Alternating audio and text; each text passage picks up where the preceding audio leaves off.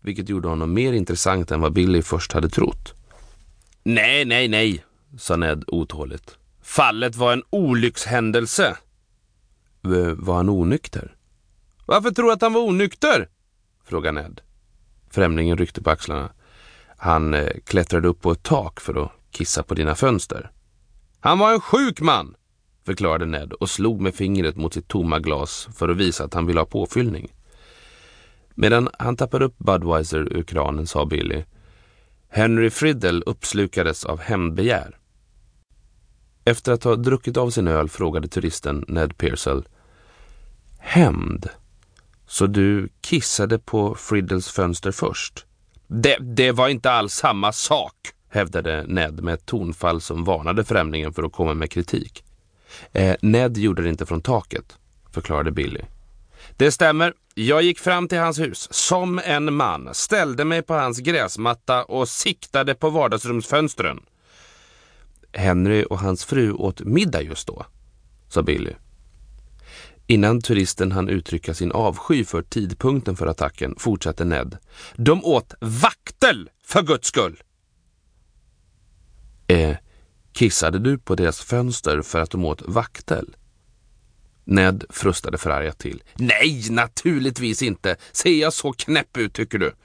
Han himlade med blicken mot Billy. Billy höjde på ögonbrynen som för att säga, vad förväntar du dig av en turist egentligen?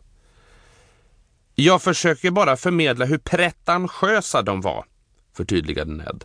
Eftersom de alltid åt vaktel eller sniglar eller mangold. Falska jävlar, sa turisten med en sådan lätt antydan av ironi i rösten att Ned Pearsall inte hörde det, även om Billy gjorde det. Just det, bekräftade Ned. Henry Friddle körde en Jaguar och hans fru körde en bil som, det här kommer du inte att tro, som var gjord i Sverige. Uh, Detroit var för vanligt för dem, sa turisten. Precis! Hur snobbe är man inte om man måste ta hit en bil ända från Sverige? Eh, jag antar att de var vinkännare också, sa turisten. Definitivt! Eh, kände du dem eller? Eh, jag känner bara till typen. De hade många böcker. Där slog du huvudet på spiken!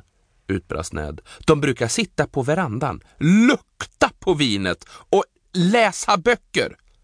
Och det är helt öppet. Tänka sig. Men om du nu inte kissade på deras vardagsrumsfönster för att de var snobbiga, varför gjorde du det då? Ja, ja jag hade tusentals skäl försäkrade Ned honom. Det var händelsen med skunken och med gräsmattegödningen, de döda petunierna och eh, trädgårdstomten, tillade Billy medan han sköljde av glas. Trädgårdstomten var droppen, höll Ned med.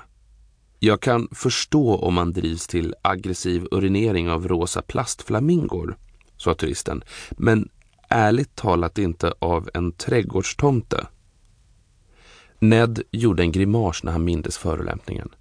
Ariadne gav honom mitt ansikte.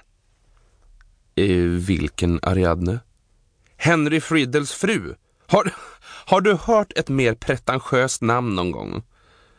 Ja, det där med Friddle drar ju förstås ner det. Hon var konstprofessor på samma college. Hon skulpterade tomten, skapade formen, hällde i betongen och målade den själv.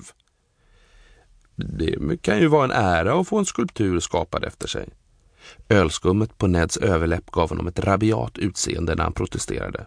Det var en tomte, kompis. En onykter tomte. Näsan var röd som ett äpple. Den hade en ölflaska i varje hand. Och gylfen var öppen, tillade Billy. Ja, tack så hemskt mycket för att du påminde mig, muttrade Ned. Och det som var ännu värre var att ur gylfen hängde huvudet och halsen på en död gås. Så kreativt, menade turisten. Först förstod jag inte vad fan det betydde. Symbolik. Metafor. Jo visst, jag förstod det till slut. Alla som gick förbi deras hus såg det och skrattade på min bekostnad. Det behöver man inte se tomten för att göra, sa turisten. Ned missförstod honom och höll med. Just det, folk skrattade bara de hörde talas om det, så jag slog sönder tomten.